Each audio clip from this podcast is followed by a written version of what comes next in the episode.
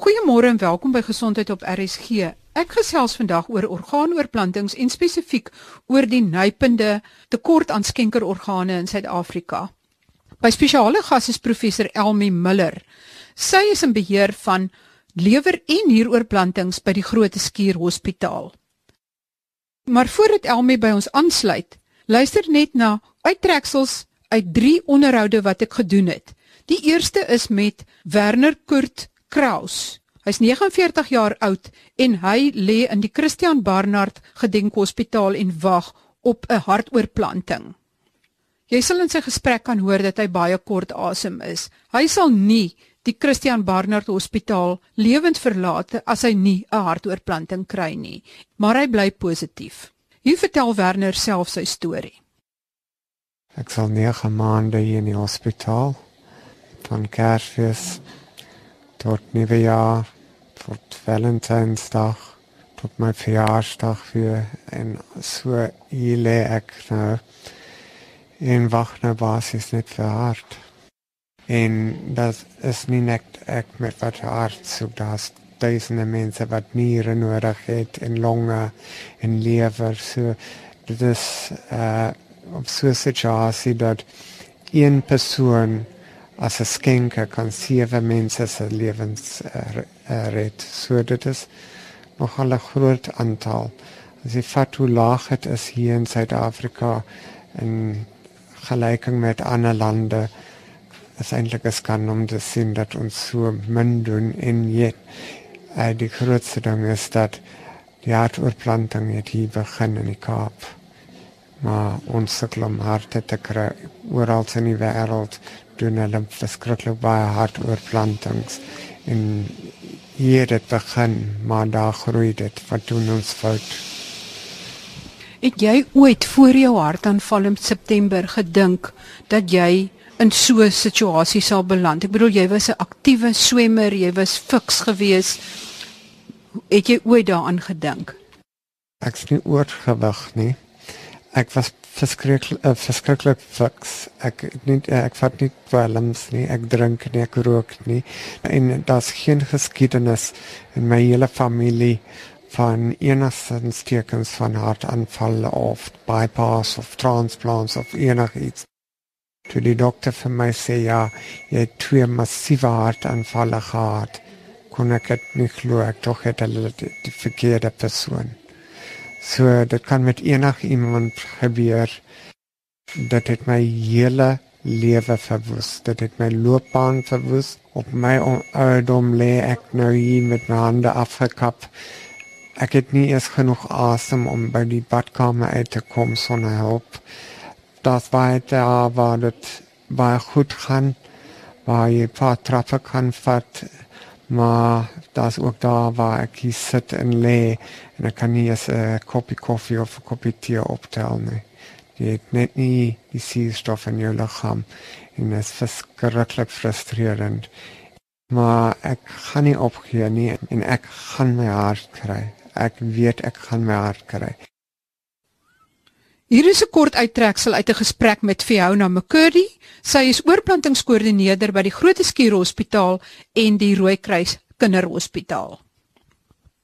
Wat is by hier by julle as 'n staatshospitaal die grootste probleme wat julle ondervind om geskikte skenkers te kry? Uh, dankie Marie. Daar's twee ehm um, belangrike dele van die antwoord. Die een is dat ons kry nie al die skenkers van die trauma eenheids en die uh intensive cares want die dokters verwys nie alles nie. So daai is een deel van die probleem, maar die grootste gedeelte is eintlik dat die families wat ons vir wie ons vra vir toestemming vir vir oorplanting sê nee vir ons. So 90% van die familie sê nee. En daar's baie uh redes hoekom. Daar's mense wat sê dis teen hulle kultuur en hulle geloof en so aan. Daar's families wat sê nee, hy wou dit nie gehad het nie of hulle sê hulle weet nie wat die persoon wou gehad het, so hulle sê liewerste nee. It's occasionally a, uh, it'll be a doctor that just doesn't bother to refer, but on the whole, our trauma unit and our casualty are actually very supportive, and when they can, which is most of the time, they do refer. but a resource issue is a big problem. And when there are a certain number of beds and a certain number of ventilators, they are going to switch off on a potential donor so that they can save somebody who is uh, immediately um, resuscitatable and, and can be saved. So there are times that even in our own hospital, we do miss out on donors. And it certainly is an issue in some of the peripheral hospitals where they have a huge problem with resources. And although we do get called to them intermittently, it's not as often as we need it and we'd like it. En hier is 'n uittreksel uit in my gesprek met Alexia Michaelides, oorplantingskoördineerder by die Netcare Christian Barnard Gedenkhospitaal. Alexia, is die probleme in die privaat sektor dieselfde as in die staatssektor met die groot tekort aan skenkerorgane of is dit baie verskillend? Ek dink die probleme is eintlik dieselfde. Ons is almal kort op skenkers. Daar's geen twyfel daaroor nie. Maar die rede verskil. Ons sukkel nie so baie met met toestemming nie in die privaat sektor, maar ons sukkel eintlik met verwysings van die hospitale af. Dis ons grootste probleem. Ons werk baie hard daaraan. Alexia, is dit op die oomblik 'n groot probleem in Suid-Afrika, maar meer spesifiek in Wes-Kaap wat 'n tekort aan organe betref? Op die oomblik is dit erg. Ons weet nie hoekom nie. As ons nou vergelyk met vorige jare, die situasie is nou die eerste wat ek ooit kan onthou in 20 jaar. Ek is nou oorplanting koördineerder vir amper 20 jaar en die situasie nou is die ergste wat ek ooit kan onthou. Daar het julle nou gehoor hoe groot die probleem en die groot tekort aan orgaanskenkers in Suid-Afrika is. My ander gas vandag is professor Elmi Miller. Maar Sy het ver oggend dringend 'n vliegtyg gehaal na 'n ander stad toe waar sy op die oomblik besig is om 'n nieroorplanting te doen. So vreemd hoe dinge werk, die werklikheid is eintlik meer uh dramaties as selfs fiksie en daar is inderdaad vandag 'n skenker en daar gaan 5 orgaanoorplantings vandag gedoen word. En sy is tans besig met die een nieroorplanting in 'n ander stad, die stad waar die skenker vandaan kom. Ons probeer nog steeds om vir haar in die hande te kry want sy het onderneem om te kyk of sy dalk nog steeds met ons kan gesels uit die teater uit. Dis gesondheid soos die mense weet op klein Saterdag tussen 12:30 en 12:00 saam met Marie Hudson wat hier by ons in die ateljee kuier. Nou sy het pas gesê dat uh, professor Elmi Miller haar gas sou wees vanoggend wat dringend um, Kaapstad verlaat het na 'n ander stad moes vlieg vir oorplantings wat sy moet doen, maar jy's ook al lank betrokke Marie met uh, hierdie ek trouens jy het al 'n hartoorplanting gesien jy daar gaan staan in die operasiesaal waar ander mense maar net wonder, maar hoe groot is is die probleem in Suid-Afrika van die verwagtinge van mense met, vir organe? Dit is 'n geweldige probleem in Suid-Afrika want soos ek voorheen gesê het, daar's omtrent 4000 mense wat wag op 'n orgaanoorplanting. Ehm um, Hang net 'n oombliekie aan, lyk my ons kry nou vir professor Elmi Miller op die lyn. Uh wat sy gaan gaan gesels uit die oorplantingseenheid by 'n ander hospitaal in die stad. Goed, ons gaan gou met haar in verbinding probeer tree. So hang net so vir ons 'n oombliekie aan want dit is gesondheid op RSG. Vermoed u of is u onseker of u kind se gestremdheid veroorsaak is deur komplikasies tydens geboorte of wat u operasie of die mediese behandelinge wat u ontvang het substandaard of selfs dalk nalatig uitgevoer is? Gert Nel ingelyf is landwyd beskikbaar en deskundiges regspraktisyns in die gebied van mediese nalatigheid. Besoek ons vandag by gertnelinkattorneys.co.za of kontak ons telefonies of per teks by 0826007821 vir 'n gratis kundige en diskrete evaluasie van u navraag. Wat staan 'n boer te doen in geval van grondbesetting en watter voorkomingsmaatreëls kan getref word as jy laat terugkeer na jou plaashuis? Onthou, beskerming van jou eiendom is jou eie verantwoordelikheid.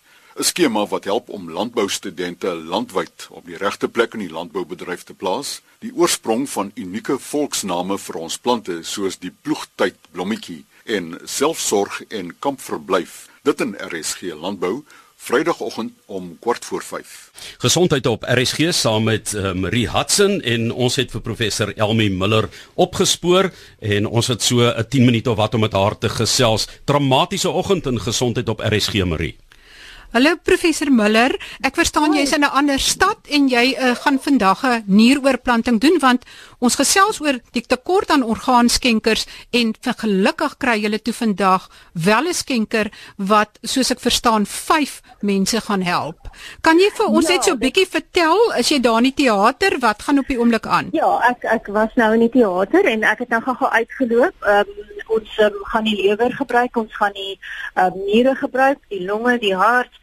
Ehm um, en um, ons het nou pas ehm um, hier aangekom. Ons het dit al die disseksie gedoen en die uh chirurg wat die lewer, ag wat die longe gaan uithaal, is nou gou-gou besig. Ek gedink ek bel jou gou om te sê uh wat ons doen. Dis fantasties. Dit is sulke wonderlike nuus en ek kan ook nou die nuus uh, aan die luisteraars meedeel dat Werner Kraus wat in Christian Barnard al 9 maande wag op 'n hartoortplanting, uh, hulle is besig met sy voorbereidings en hy gaan dan vanmiddag die skenkerhart ontvang. Ons is baie dankbaar dat dit ook kan gebeur. Elmi, maar dit bly nog steeds dat orgaan oorplantings en die skenkers dat daar 'n groot probleem is dat daar heeltemal te min gedoen word vir die behoefte wat daar is. Kan jy net vinnig ja. daarop uitbrei? Ja, ons het 'n baie groot waglys Marie. Ons het um ons het 4 na 5000 mense in Suid-Afrika wat wag vir niere. Ons het omtrent seker um amper 100 mense wat wag vir lewers in verskillende stadiums van lewerversaking. Um ons het omtrent 'n waglys van uh, 10 tot 20 mense wat wag vir harte en vir longe. So die die die um die nodigheid vir organe is baie groot en ehm um, baie van ons potensiële donors wat ehm uh, mense is wat breindood verklaar word en wat in ongelukke doodgaan, ehm um, word nie altyd kom nie altyd by ons uit nie of word nie altyd na ons te verwys nie en ook dan af en toe kry ons pasiënte wat wel verwys word maar dan um, omdat die families nie regtig weet wat dit behels nie, dan gee hulle nie toestemming vir ons om die organe te gebruik nie. Sal jy byvoorbeeld 'n beroep wil doen op dokters wat onseker is of die die skenker wel 'n potensiële skenker is om eerder na julle te verwys sodat julle kan besluit of dit wel 'n geskikte skenker is as om eenvoudig die masjiene af te sit? Absoluut. Ons vra um, die dokters om eerder vir ons te bel. Ons probeer om um, vir almal te sê dat dit dit maak nie saak as jy ons bel um, vir donors of potensiële donors wat nie uitwerk nie. Um, dit maak nie saak as jy mense verwys wat jy dalk dink sou nie donors gewees het nie en dit net met ons bespreek nie ons inklusie kriteria om uh, vir al uh, donors wat dood is te gebruik. Um, dis anders nou met mense wat lewendig is en dat deel van 'n orgaan of 'n nier skenk. Maar vir donors wat dood is, um, is het ons baie meer ehm um, sal ek sê lateraal begin dink. Ons gebruik donors wat doodgaan aan sekere infeksies, met ons weet ons kan dit behandel. Ons gebruik donors wat miskien ehm um, in die regte lewe uh, hoë bloeddruk of diabetes gehad het as ons kan sien dat die orgaan goed gaan werk. Ehm um, en in die algemeen wil ons baie graag hê dokters moet eerder met ons die pasiënte bespreek en dit verwys as om self besluite te neem. Ja, want soos jy sê, die die ehm um, verwysingskriteria het heelwat verander en dokters is miskien nie altyd so bewus daarvan dat jy nou meer lateraal dink en meer mense gebruik as potensiële skenkers nie. Ja, absoluut. Ehm um, op die ouende is die mense wat in die veld werk is eintlik 'n klein handjie vol mense. En dit is moeilik vir elke dokter in die land om um, regtig, weet, hulle hulle vinger op die pols te hou met presies hoe alles werk. So absoluut en natuurlik vir families ook om te vra en om navraag te doen is altyd 'n uh, baie goeie idee um, en ons verwelkom dit op alle maniere. En ehm um, dan is dit natuurlik ook belangrik dat die dat almal daaroor praat dat sodat as jy ooit op so 'n punt kom dat jy die familie moet vra of die of die ene skenker wil sal kan wees dat die familie met gerusheid kan ja sê. Ja, dit is wat um, ek dink 'n baie moeilike ding is want baie kere as 'n mens iemand het in jou familie wat breindood verklaar word en wat dan potensiële skenker kan wees, en jy het nog nooit in jou lewe daaroor gedink nie, jy verstaan nie die konsepte nie, jy het nog nooit daaroor gepraat nie en nou deel jy met hierdie regtige traumatiese ervaring waar iemand onverwags doodgaan. Is dit nogal 'n moeilike ding om um om om daai besluit te neem. Dis hoekom ons dink dit is so belangrik vir mense om te praat hieroor en betrokke te raak by die besluite terwyl hulle nie in 'n krisissituasie is nie. Ja, weet mens mens wil nie aan eintlik aan die dood dink as jy nog eintlik vreeslik springlewendig is nie en ongelukkig moet die skenkers is dit 'n ongeluk of of uh, as jy breindood wil uh, breindood skenkers is die wat gewoonlik 'n ongeluk is. So dis 'n uh, onverwagte sterfte. Onverwagte sterfte. Meeste van die tyd selfs vir mense wat uit 'n mediese oogpunt breindood verklaar word, daar is mense wat ehm um, soos intrakraniale bloedings kry of ehm um, abnormale ehm um, uh, probleme wat net te doen het met hulle brein en dan nog steeds goeie ehm um, donors kan wees, maar ek sal sê 99% van uh, mense wat donors raak, um, is 'n onverwagte oorsaak van dood. En dan natuurlik die pasiënte wat wag op die oorplantings. Die uh, soos wat ek verstaan is pasiënte wat sê maar op die oorplantingslys kom vir hart, lewer, longe ensovoorts, is die wat eintlik net 'n beperkte tyd het om te lewe dit is nie dit is 'n laaste uitweg. Dit is 'n 'n 'n lewensreddende operasie ja absoluut. Um, veral vir hart en lewer um, en daai pasiënte is dit wel sodat omdat ons nie ons het nie 'n behandelingsmodaliteit vir mense wat byvoorbeeld in eindstadium lewerversaking ingaan nie. Ons kan hulle nie op 'n masjien sit wat hulle lewer se funksie verrig nie en waar met nierversaking kan ons pasiënte op 'n dialyse masjien sit en ons kan hulle nog 'n hele ruk lank aan die gang hou, is dit glad nie dieselfde vir lewers of harte nie. So gevolglik vir daai pasiënte is dit absoluut lewensveranderende lewens uh hulle lewensverwagting word akuut daardeur beïnvloed. Ehm um, maar vir pasiënte wat natuurlik nierversaking het, ehm um, omdat hulle die opsie van dialyse het, is dit nou nie so krities nie, maar nog steeds as jy kyk na hulle lewenskwaliteit, baie van daai pasiënte, hulle gaan 3 keer 'n week vir dialyse. Dit is moeilik vir hulle om 'n werk te behou. Dit is moeilik vir hulle, hulle het nie energie nie. Hulle voel baie sleg. So alhoewel hulle aan die lewe gehou kan word met dialyse, is die kwaliteit van hulle lewens nie altyd so goed nie.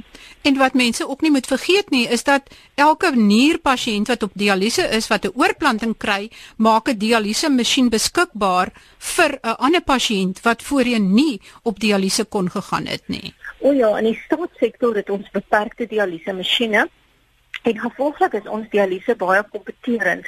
Ehm um, so die feit dat ons pasiënte kan oorplant um, maak dat, dat ons meer mense kan help.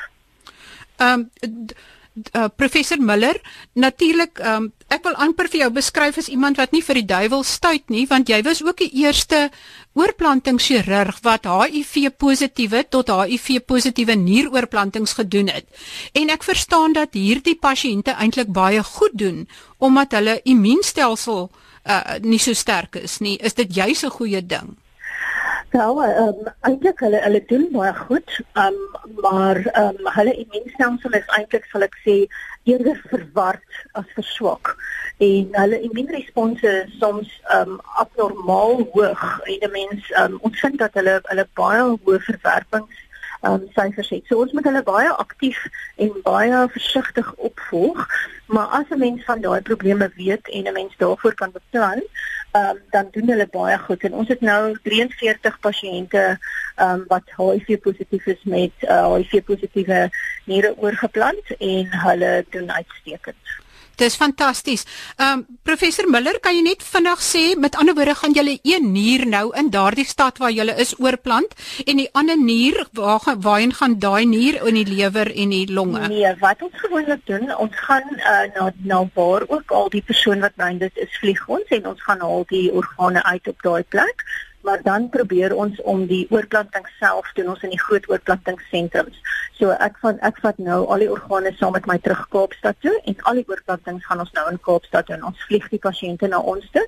Ons gaan een pasiënt van hier af uh nou terugvat Kaapstad toe en 'n nier vir daai persoon gee. Um ons gaan die lewerpasiënte reeds in Kaapstad en ons gaan die oorplanting daar doen, maar al die oorplantings uh word sentraal gedoen by die oorplantingseenhede want daai pasiënte het dan nou nog 'n redelike lang tyd van opvolg nodig. So hulle bly gewoonlik in die hospitaal vir so 2 weke waar ons hulle immuunonderdrukking uitsorteer en allerlei dinge soos daai. So ons doen nie gewoonlik die oorplanting um, op 'n in 'n ander stad nie. En gaan jy self die lewer of van die nieroorplantings behartig in Kaapstad? Ja, ek gaan nou die lewer insit en dan um, daarna die twee niere. Sjoe. Jy het baie stamina, baie baie dankie. Professor Miller, ek sal met jou in kontak bly sodat ons die luisteraars op hoogte kan hou van hoe hierdie absolute dramatiese dag verder ontplooi. Baie dankie. Dit was lekker om met jou te gesels. Dankie professor. Totsiens.